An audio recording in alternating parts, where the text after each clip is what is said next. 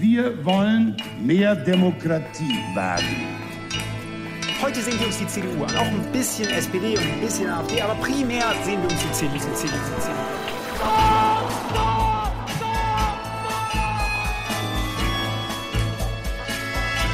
Niemand hat die Absicht, eine Mauer zu errichten. Ich weiß, ich habe heute Morgen in den Spiegel geguckt und dachte, wer ist denn die Hotte Bitch? Werden schon in wenigen Jahren blühende Landschaften, blühende Landschaften geworden sein. Früher waren wir Lametta. Wir haben so vieles geschafft, wir schaffen das.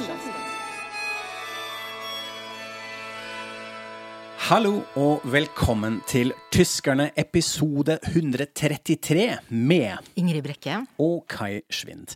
På en måte er denne episoden en slags politikkspesial. Vi skal nemlig ta en nærmere titt på Tysklands utenriks- eller spesielt forsvarspolitikk i skyggen av krigen i Ukraina. Og derfor passer det jo utmerket at vi har med oss Robin Allers, førsteamanuensis fra Institutt for forsvarsstudiet. Hei, Robin. Hallo, hei. Hei, velkommen hit.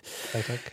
Robin, du er tysk, øh, og du er tilknyttet forskningsprogrammet Security and Defense in Northern Europe, hvor du fokuserer på Norges bilaterale samarbeid med utvalgte europeiske allierte, som f.eks. Tyskland. Du underviser også i tysk og europeisk sikkerhetspolitikk, EU-historie og EU som internasjonal aktør. Er det riktig å si at du har et akademisk distansert blikk på forsvarspolitikken i Tyskland? Ja, det prøver jeg i hvert fall å ha, eller det, det må jeg ha. um, så siden jeg jobber da på Forsvarets høgskole, som mitt institutt er en del av, så har vi jo tett på uh, forsvarspolitikk og Forsvaret òg. Så vi, vi holdt på å si, profitterer jo også av den nærheten, Ja. og kjenner godt til um, offiserene, eh, departementet, eh, forsvarsledelsen. Så, så mm, vi- er tett på, men vi er akademikere og har også distanse der. Ja. Ikke sant? Og det kan jo være en utfordring iblant, det kjenner jeg selv til, at man da blir ringt av medier og skal mene ting om noe, ikke sant? Men samtidig skal man ha en viss avstand, men det, det håndterer dere til det daglige. Det tror jeg de fleste hos oss er flinke til, prøver å være flinke til. Så vi er først og fremst forskere. Ja, ikke sant? Og du er også Willy Brandt-preistreger. Så jeg sitter her med to preistreger. Ingrid er jo også dette. Jeg føler meg veldig liten her. Dette er også veldig stas. Eh, det må vi også nevne. Ok, siden forsvarspolitikk er noen av de mest brennhete temaene akkurat nå, så starter vi rett på alvoret, tenkte vi, og så skal vi prate litt lettere og mer personlig mot slutten. Og Robin har selv sagt også med seg sine favorittord, slik vi alltid gjør med gjestene våre. Ja, da hopper vi i det. De fleste også i Norge har vel fått med seg konflikten rundt stridsvogner. Skulle Tyskland levere sine høyteknologiske Leopard-stridsvogner til Ukraina eller ikke? Og som kjent så gikk jo kansler Olaf Scholz til slutt inn for det, fordi han fikk sin betingelse oppfylt, nemlig at også USA skal levere stridsvogner. Og det her spørsmålet det har vel vært diskutert siden tidlig i fjor høst. Og da lurer jeg på, er denne avgjørelsen et eksempel på at Scholz ble pressa både fra utland og innland til han bare måtte si ja, eller er det en diplomatisk bragd der resultatet er at Ukraina egentlig får flere våpen fra flere enn de ellers ville fått? Her har du to narrativer eh, som er ute og eh, blir fremmet av forskjellige sider i, i, i den saken. Hvis du hører på Scholz selv, og hans rådgivere, hans støttespillere i partiet, eh, i regjering, så vil de eh, fremme et, et narrativ hvor man eh, har handlet veloverveid, klok, som de sier, besonnen på tysk, eh, gått fram eh, ved å forankre eh, både blant allierte innad i Tyskland og spesielt med USA hvert eneste skritt, og at det var nødvendig for å ikke stå alene, for å ikke eksponere Tyskland på en uheldig måte. Og ut fra den, denne veldig eh, kloke prosessen så kommer da fram til den optimale løsning, eh, hvor til slutt eh, Tyskland blir med å sende, sammen med mange andre europeiske land, eh, disse stridsvognene, men også eh, fikk da USA til å eh, være enig i at de også måtte sende amerikanske stridsvogner av samme type. Eller liksom deres, deres, egen versjon av, av det. Um, så har du veldig veldig mange som er uenig i, i den fortelling, og, og, sier at her har tyskerne alltid vært på etterskudd, eh, bakpå, eh, har nølt for lenge.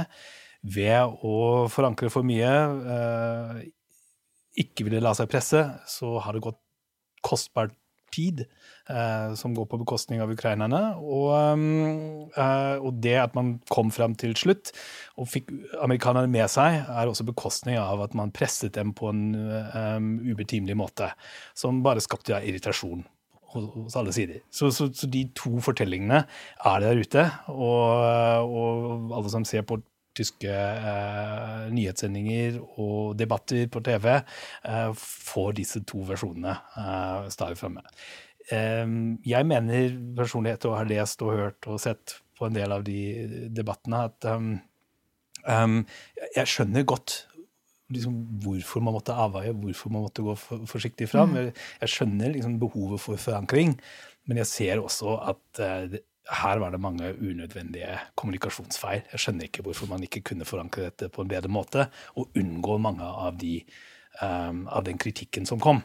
Ja, og man kunne jo vel i hvert fall ha begynt en god del tidligere med den forankringsprosessen, ja. da. Og så kan det godt hende at det blir gjort, uh, men da ser man åpenbart hos kansleren selv eller i kanslerens krets ikke behov for å forklare dette tydelig nok. Eh, fordi man er irritert over folk som prøver å presse han. Eh, det virker noen ganger nesten barnslig, eh, det å, være så trassig og bare vente enda lenger jo mer man blir presset. Så det kan være gode grunner. Det kan, kan, vi, kan, hende at vi ikke vet hvor godt det er forberedt, hvor krevende også det er å forankre alle sider i eget parti i landet overfor opinionen hos allierte. Men det er åpenbart et kommunikasjonssvikt her. Ellers vil det ikke oppstå så mye uklarhet og, og bråk, rett og slett så hjelper det kanskje ikke heller at man har litt sånn ulike kommunikasjonsstrategier på tvers av Ampel-regjeringen, ikke sant? Det er noen som har bedre forklarere enn andre. og sånn. Jeg syns det er alltid morsomt å sammenligne Olaf Scholz og Robert Habeck, for eksempel.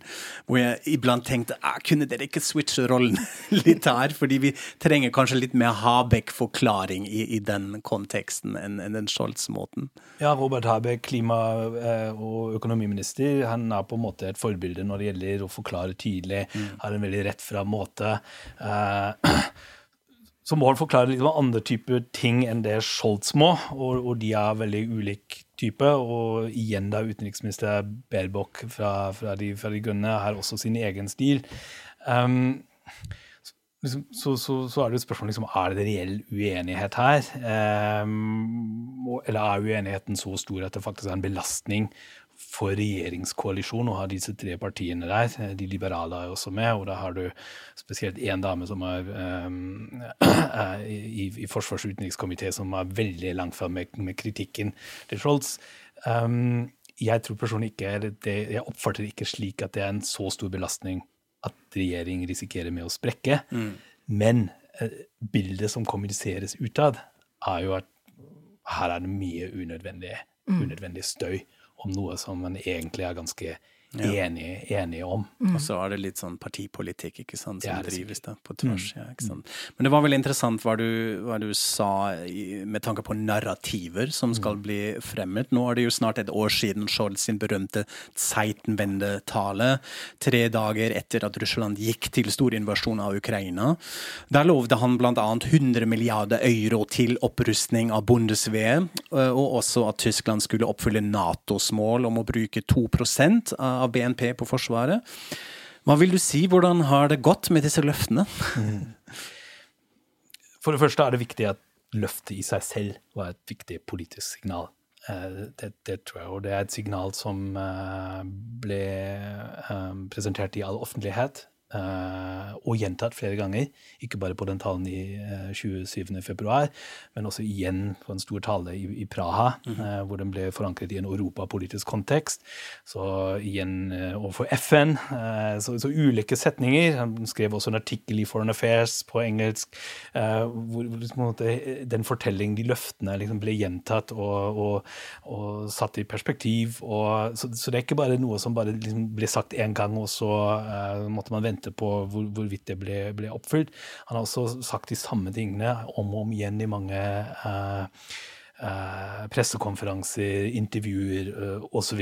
Så det var et stort ønske om at alle, også internasjonalt, skulle Ja. skjønne at nå er det virkelig en endring. Virkelig. Så, så jeg oppfatter det som et veldig sterkt politisk signal, som også da de allierte kan komme tilbake til, og partnere, og si liksom, hør nå her, Tyskland, det, liksom, det blir sagt. Eh, opposisjonen kan, kan gjøre det. Eh, så, så de står jo i plikt til å oppfylle dette.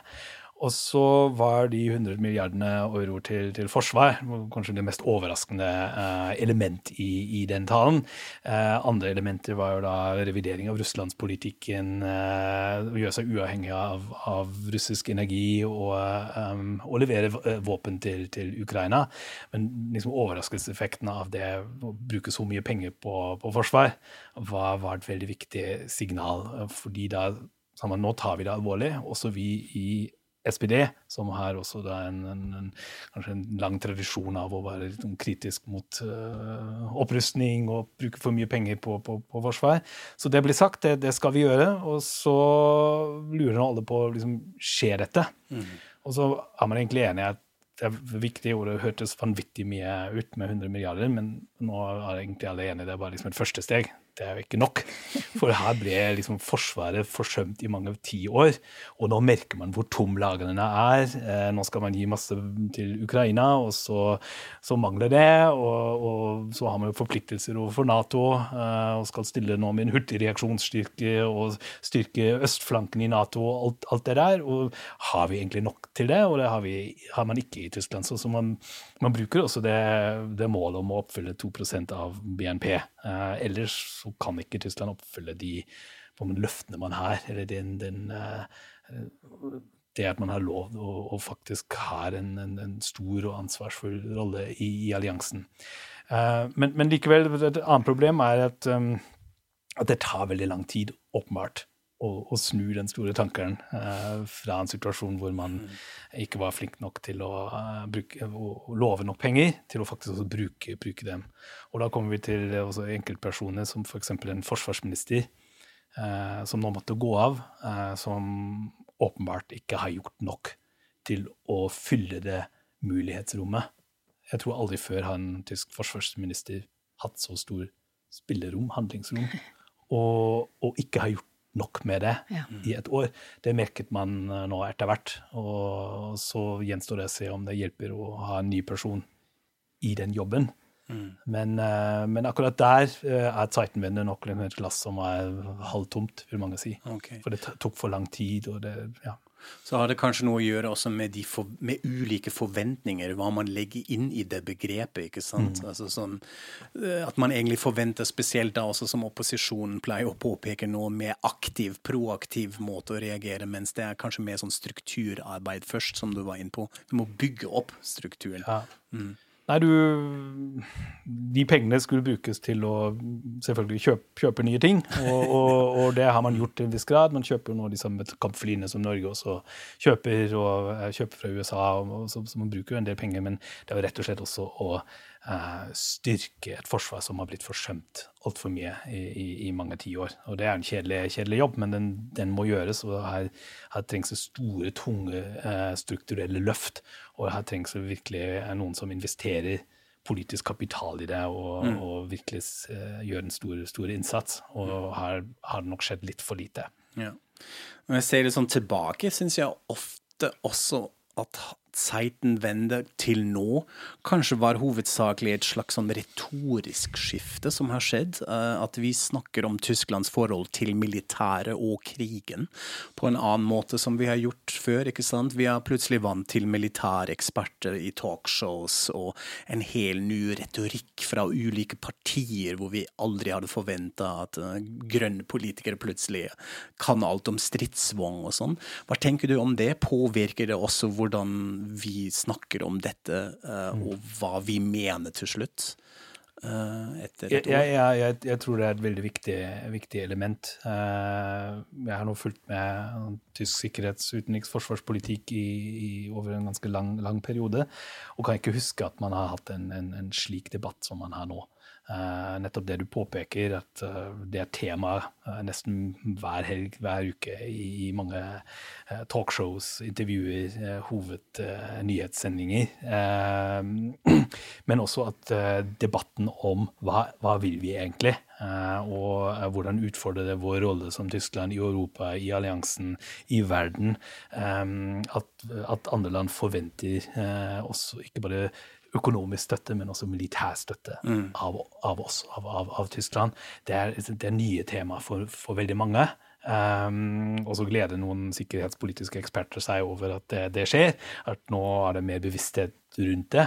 Men det er også ganske eh, vanskelige, tunge prosesser for mange som har bygd opp sin politiske identitet med å kjempe mot opprustning og, og mm. har egentlig fremmet eh, pasif med pasifistiske eh, idealer, og, og, anser det som en viktig del av tysk politisk kultur. Og at man nå skal liksom, diskutere mer um, forsvars- sikkerhetspolitikk. Det er uvant, men det er også viktig at man tenker jeg, at man er bedre kjent med den siden av Tysklands rolle og ansvar i verden. Så, så jeg tror egentlig det er en, en, en, bra ting at vi har mer debatt rundt det. Ja, så er det kanskje noe med at uh, i Tyskland eh, Altså, Man sier jo ofte at, at, alt går litt sånn saktere i, i Tyskland enn i f.eks. Norge og en del andre land. Og det er vel noe med at måten å styre på er også sånn at man gjerne vil være litt eh, mer forankra i, i, folket enn man kanskje tenker på ofte hos andre. Og da er kanskje alle disse store debattene man holder på med nå, også en drivkraft for å på en måte kunne virkeliggjøre mer av den Zeitenwende-tankegangen etter hvert. At, at, kanskje debatten må komme litt før man faktisk kan gjøre det, rett og slett fordi det er sånn det fungerer. Tenker du det? Jeg, ja, jeg tenker også at det er en del som forklarer noe av det som man oppfatter som nøling, og ikke bare hos, hos kansleren, men generelt eh, hos tyskerne. Hvorfor går det ikke raskere? Nå, nå ser vi jo Ukraina lider, det foregår en krig. Kom nå igjen. Eh, dere må jo bare levere de tingene. Hvorfor tar det så lang tid? Og, og um, hvis du hører på, på tyske politikere, um, så, så kjenner du at de også holder igjen for de må forsikre seg om å få med flest mulig. Ja, mm. Om det er i eget parti, om det er uh, i, i, parlamentet, men, men, også i opinionen. Uh, bare tenk på det forrige uke, da, da, Scholz måtte forklare seg i forbundsdagen om den stridsvognavgjørelsen. Så på slutten av den seansen så brukte han noen ekstra minutter for å si nå skal jeg bare henvende meg til befolkningen og si at liksom, dere kan stole på meg jeg er den som ikke blir nervøs her under press. Eh, og det eh, Jeg tar meg god tid til alle beslutninger. Bare stol på meg. Her, her tar jeg det liksom med ro. Og det kan jo oppfattes som eh, veldig en treig måte, og en som forsinker hele prosessen, men det sier også noe om behovet for å ta med alle og forankre faktisk den beslutning. Eh, som jeg tror er også viktigere fordi mange opplever at nå går ting kjempefort. Mm. Og det er de som er redd for en eskalering, men også de som syns dette er uvant, de beslutningene vi treffer nå. Men er det ikke litt eh, Altså, jeg tenkte også at, at å snakke sånn kan slå litt begge veier, fordi at det høres ut som han har en slags eh, masterplan som han ikke kan fortelle, og det er liksom tilliten til han det, mm. det står om. Men hvis han hadde forklart bedre, så hadde man jo fått tillit fordi at man føler at man skjønner hva som foregår. At det er litt, nesten litt skummelt med noen som bare står og sier 'stol på meg, stol på meg'. Mm, det, det, det er riktig. Og, faktisk en interessant debatt som foregår nå, eh, hvor man tenker liksom er, er politikerne drevet av opinionen, eller eh, kan de faktisk påvirke opinion? Man hadde den debatten der man så på meningsmålinger som, som viste en splittelse Ja. i, eh, om, om er det greit å levere stridsvogner til Ukraina, som var liksom nesten 50-50. Og, og etter at beslutningen var tatt, og man hadde forklart den, så var det plutselig sto, ganske betydelig støtte for Ja. å levere stridsvogner. Hvor mange sa hør her, liksom, her ser du, liksom, bare forklar det ordentlig, så får du, får du mer støtte. Hvis du mm, liksom ikke forklare deg godt nok, så har du usikkerhet, og, eh, og, og, og man går rundt og spør folk skal vi levere stridsvogner til Ukraina. Og, og da sier de nei, er jeg usikker på det, men um, kanskje det bidrar til eskalering, hva vet jeg. Blir ikke godt nok forklart. Så igjen, da er vi tilbake til den kritikken mot Scholz. At han ikke forklarer godt nok. Han ser det visstnok ikke slik selv.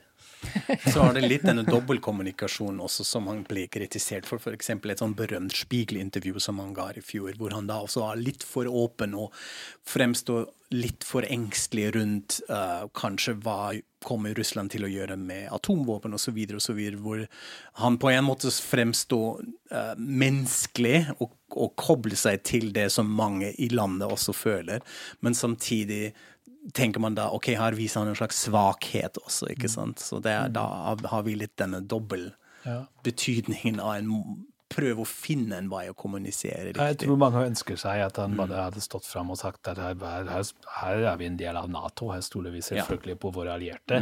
Ikke noe spørsmål. Her, her står vi sammen med Frankrike i, i Europa, med, med Frankrike, Storbritannia, USA eh, og alle andre allierte. Eh, at han da må gå ekstraveien med å forsikre seg om spesielt støtte fra USA. Er, er det nødvendig? Skaper det den, den type dobbeltkommunikasjon som, som du sier, som egentlig gjør alt mer komplisert? Så det er tror jeg, hovedkritikken mot, mot Hans nå, og den, den deler jeg til en viss grad. Da. Mm. Og sånn apropos USA, altså, det virker jo som Scholz legger seg veldig tett på USA i sitt resonnement og den konsekvenstenkningen. ikke sant? Vi leverer når det serverer. Er ikke det litt Servere, sa jeg servere? Levere, mener jeg. Eh, er ikke det litt pussig når de fleste av oss egentlig syns at USA blir mer og mer upålitelig? Og frykte hva som kan skje nå der etter neste valget? Vi vet jo ikke hva som skjer. Hvor lurt er det? Hva tenker du? Ja. Nei, jeg, jeg, jeg syns også at det er et uh, av de mest bemerkelsesverdige trekk ved med situasjonen siden krigen begynte, eller egentlig eh, også i, i månedene før, eh, hvor tett eh, Tyskland legger seg oppå på, på USA, og hvor mye spesielt Scholz da stoler på eh, Biden og, og prøver å, å koordinere, koordinere hvert, hvert skritt eh, med han.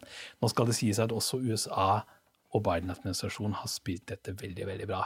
Eh, Jeg tror hele den Zeitenwende ikke hadde vært mulig hvis ikke USA hadde sendt de signalene som de gjorde. At de konsulterte De la ut lister før krigen begynte med hvor ofte de snakker med hver eneste europeiske politikere.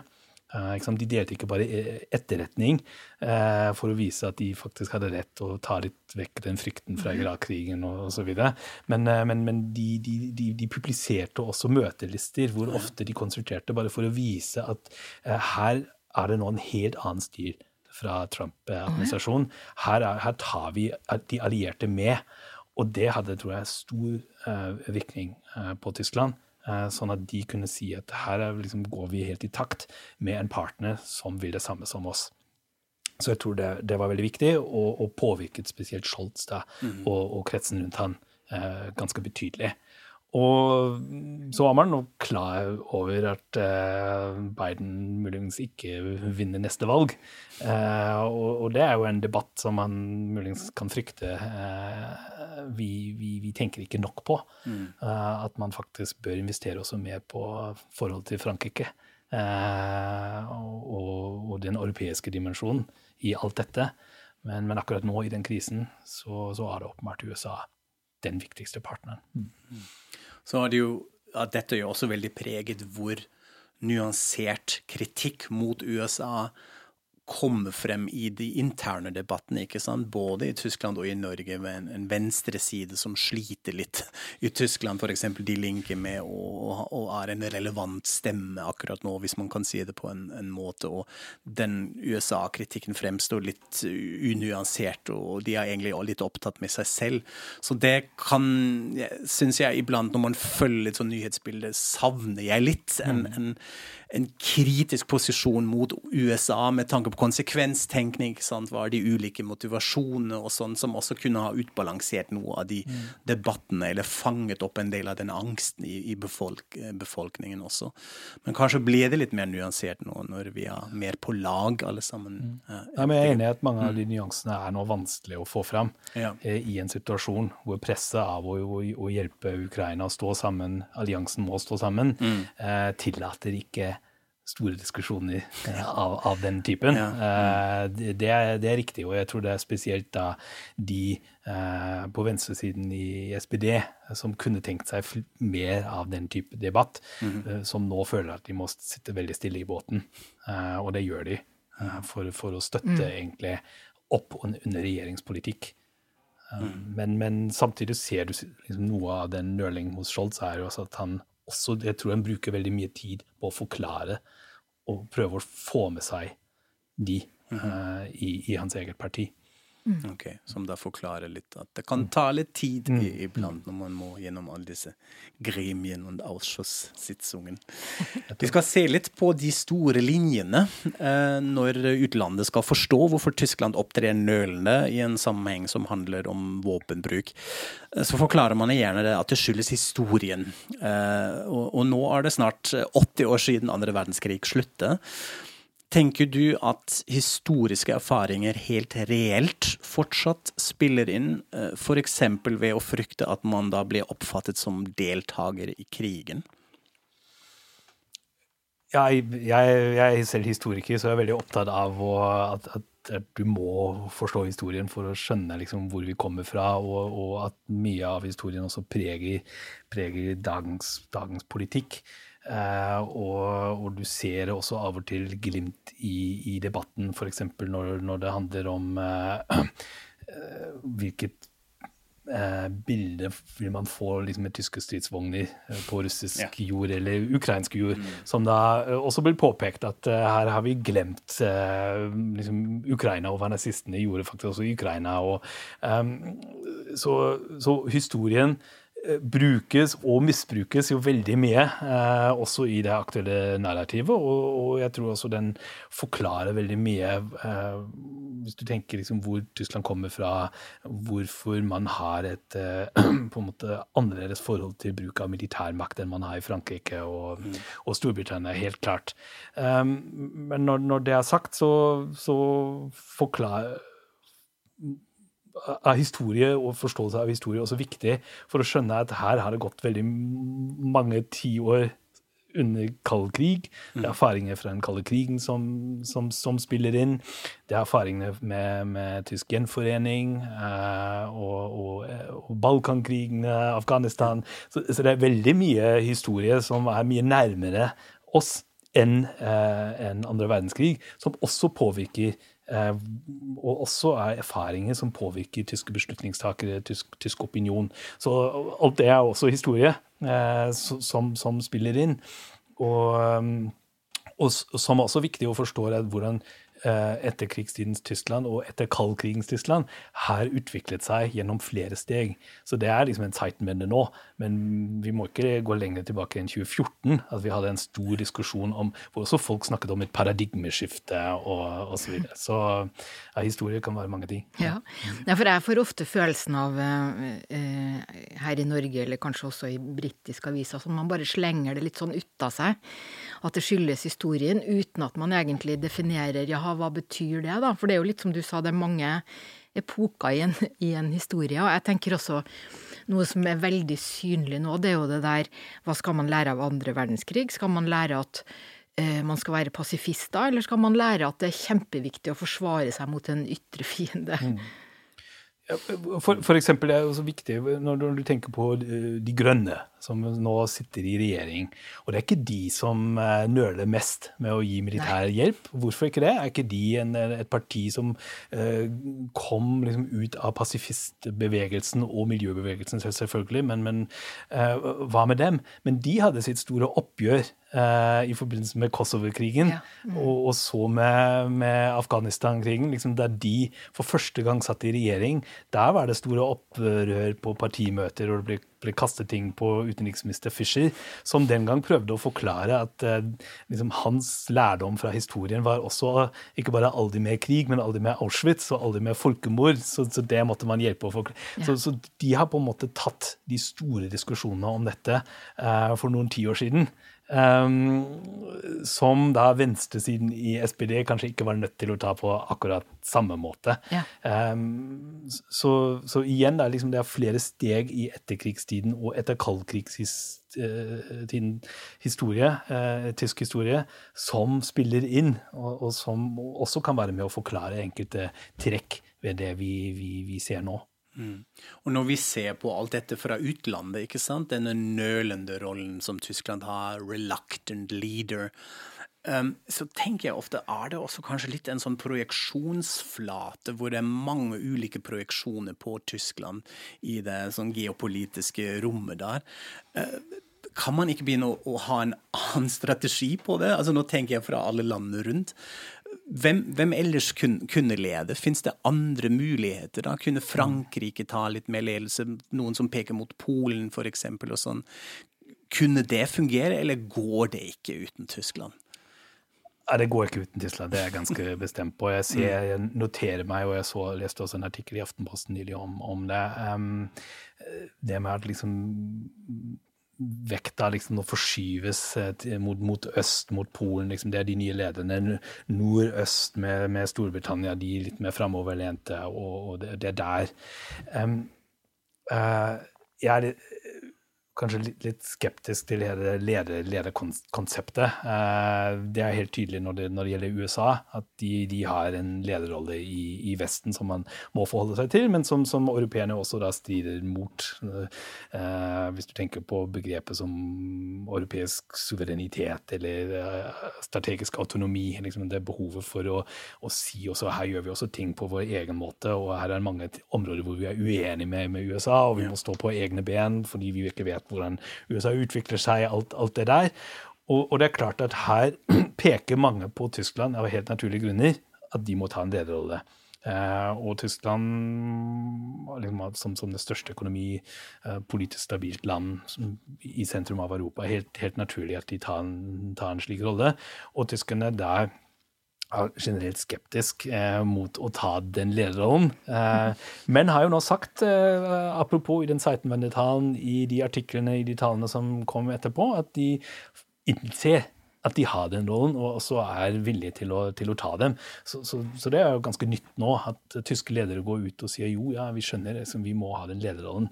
Men, men det er også åpenbart at de sliter med å, å ta den. Og da kommer det noen kronglete versjoner med leder fra, fra sentrum og, og sånn. sånn. Det er typ, typisk tyske uh, måter å både ta det ansvaret og, og, og distansere seg litt, litt, fra det.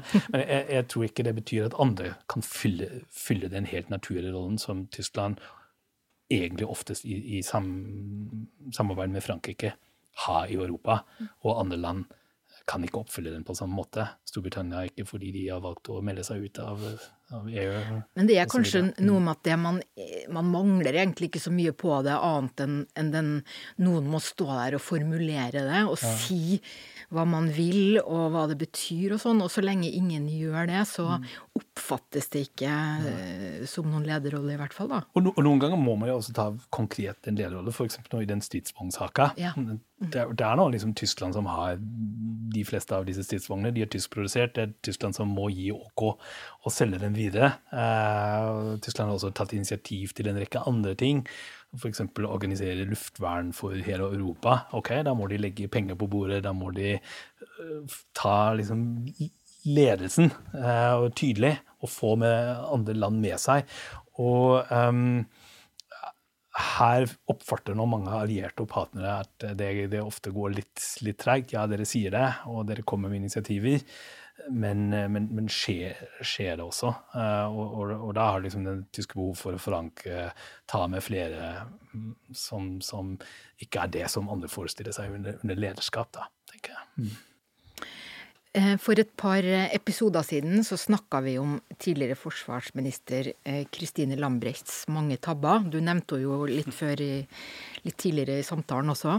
Og hun gikk jo av. Og så er det da denne Boris Pistorius som har kommet, eh, som nå skal være ny forsvarsminister. Hva tenker du om han? Hvordan syns du det ser ut? Han, han, fikk jo en veldig tøff, uh, tøff første dag på jobben. Eh, ble oppringt, ville bli forsvarsminister. Hadde åpenbart ikke tenkt så veldig mye på det, men hadde veldig lyst og sa ja. Og, uh, og så rett liksom møte amerikansk forsvarsministerkollega som kom med oppdrag av å spørre hva er det egentlig dere vil nå med de stridsvognene, og hvorfor presser dere oss? Og, så, så det er en fryktelig første dag på jobben, samtidig som han da visste at det var en sjefsavgjørelse, så han måtte uansett henvise til Olaf.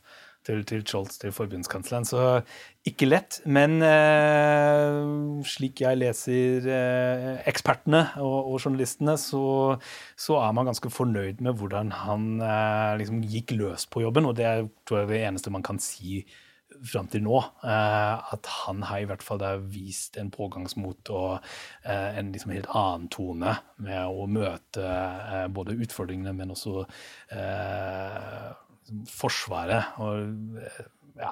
så, så, at man har i hvert fall en viss forhåpning av at han um, fyller dette mulighetsrommet. Uh, som, som, jeg snakket om, mm. som manglet litt med forgjengeren. At man følte at hun, hun, hun, hun var ikke helt på. Hun var ikke helt klar for den jobben, interesserte seg ikke nok til det. Og han har sendt helt andre signaler fra første dag. Så man kan ikke si så mye liksom, hvordan han faktisk får det til.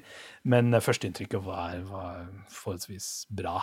Du så jo også at han veldig fort ble avbilda i fullt militært utstyr eh, sammen med tropper og sånn, og det er jo også et tydelig signal, da. Ja, det er i hvert fall de, de signalene han, han, kan gi. Liksom, ta den jobben på alvor. Eh, så nei, han, han er ikke gjort så mye galt uh, ut, ut, fra en vanskelig posisjon. Og, og, og, så er det, er det faktisk, tror jeg, ganske viktig å ha en, en, en person nå i den jobben som, som griper Går løs på de, på de oppgavene. Sender mm. også da signaler også til allierte og partnere. Her, her tar vi våre, har vi vårt ansvar bevisst og, og tar det noen alvorlig. Så. Mm. Og så er det jo kanskje like mye jobb, hvis ikke mer, litt sånn inn, innenfra, ikke sånn innvendig som du var inne på, at man må fortsatt jobbe med den strukturelle oppbygningen av bondesved, og at det er mye å ta tak i da, som eh, forgjengeren også ikke helt uh, fikk til. Så han er sikkert litt busy med dette. En fryktelig vanskelig jobb. Det betegnes jo som den verste jobben i, i hele regjering. Mm. Men um, når det er sagt, da, Ursula von der Leyen hun, hun hadde kjempevanskelig og fikk masse kjeft eh, helt fra første dag hun begynte, men ja, hun, hun, satt nå i to år og klarte seg forholdsvis bra, mener jeg, selv om mange, mange i departementet ikke var, var, enig i det. Mm. Men hun klarte i hvert fall å røske opp uh, ganske, ganske mye. Så det, ja. Mm. ja. Når jeg hører litt på deg, så, så, tenker jeg litt på at det må være interessant um, når du snakker med andre om tysk politikk, og da forsvarspolitikk spesielt, kanskje også her i Norge, syns du at forståelsen for Tyskland er stor nok hos dem du møter, med alle de detaljene som vi nå har vært eh, borti? Jeg merker jo Jeg, jeg vet at det er mange som, som jobber jobber med Tyskland, jobber med Europa, jobber med internasjonal politikk, eh, som kan, kan, mye om dette.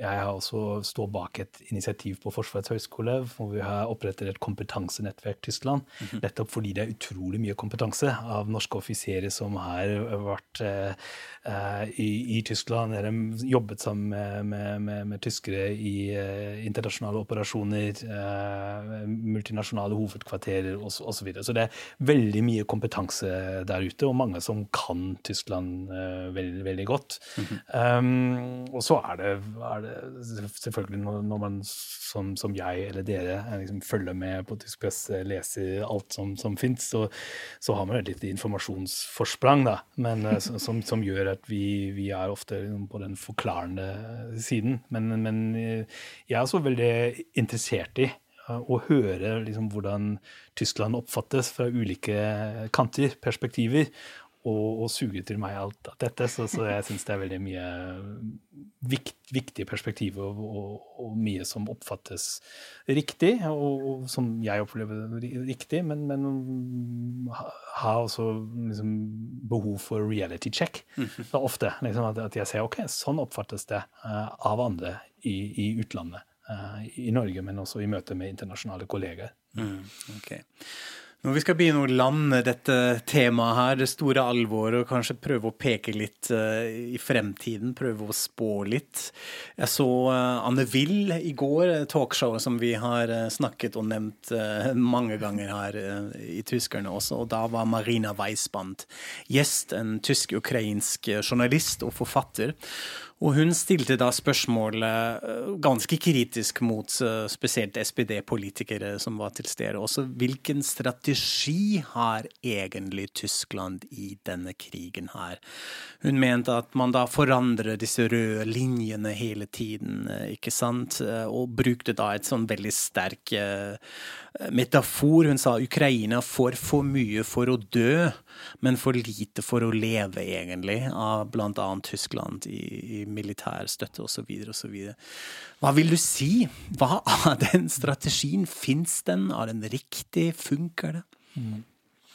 Jeg, jeg, kjenner veldig Eller skjønner godt eh, frustrasjonen. Uh, spesielt også fordi man har en sånn merkelig situasjon hvor kansleren ikke vil si Eh, målet er at Ukraina må vinne. Han vil bare si at eh, Ukraina ikke må tape.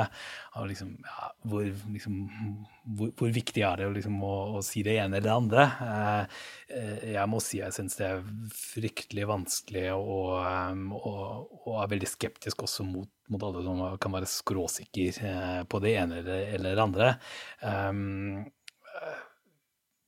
fordi um, det, er, det, er, nå liksom bare én som har startet, startet den krigen, og fortsetter å eskalere den. Og, og så er det vanskelig å si hvordan Putin, hvordan Russland skal komme seg ut, ut av det uten å miste fullstendig ansikt mm. eh, og liksom overfor de målene de har satt seg selv, samtidig som det er vanskelig å forestille seg hvordan man skal beseire en sånn supermakt mm. på, på, slagmarken med de, de mulighetene de, de, har. Og så um, er det vanskelig å forestille seg at den elendigheten liksom foregår i flere måneder, år. Eh, så, så jeg syns det er vanskelig å, å, finne et svar på det, mm. eh, rett og slett. Eh, men, men ser heller ikke noe alternativ med å um, støtte uh, Som jo vel også er den, den, den tyske eller den europeiske vestlige strategien, støtte Ukraina så lenge det er nødvendig så, i, i, forsvarskampen, mm. og samtidig um, ser håpet på en eller annen på russisk side innse at her uh, må vi få en slutt, slutt på dette. Mm. Uh, ikke noe mer optimistisk uh, fra meg om det. Så jeg syns det er fryktelig vanskelig. Mm. Nå syns jeg vi må prate om noe annet enn en krigen. Vi spør jo alle våre tyske gjester om hvor de er fra, og hvordan de havner i Norge. Så du skal ikke slippe unna, Robin. Hvorfor er du her? Ja, nei, jeg, kort fortalt, jeg møtte min nåværende kone eh, under studiet i Paris. Eh, vi ble kjent der. Eh, studerte ferdig. Hun fikk seg jobb først, i Norge. Jeg hadde ikke et bedre alternativ og prøvde lykken her. Så slik havner jeg her. og det er, eh, blir en stund siden nå, eller hvor lenge? Ja, det er over 20 år oh, ja. siden. Ja. Okay. Så, hmm. Og da vil du kalle Norge få heimat, dette store begrepet, eller har du litt sånn mellom eh, stolene? Ja, det, det er nok blitt det. Liksom, jeg har familie her. Barna mine er holdt på å si, både norsk og tysk, men mer norsk enn en, en, en tysk. Mm -hmm. for å si det sånn. Sønnen min er i førstegangstjenesten nå så, i, Norge. Men um, Men når det er sagt, så passer vi veldig på å opprettholde kontakten til Tyskland, til Hamburg, hvor jeg, hvor jeg er fra. Og uh, jeg, for meg er det nok uh, heimat der. ja. Ok, det er fint. Eh, Det er også noe vi, vi liker å spørre sånn norsk-tyske gjester. Eh, Og det er det med altså noen som jobber så tett på disse tysk-norske forbindelser.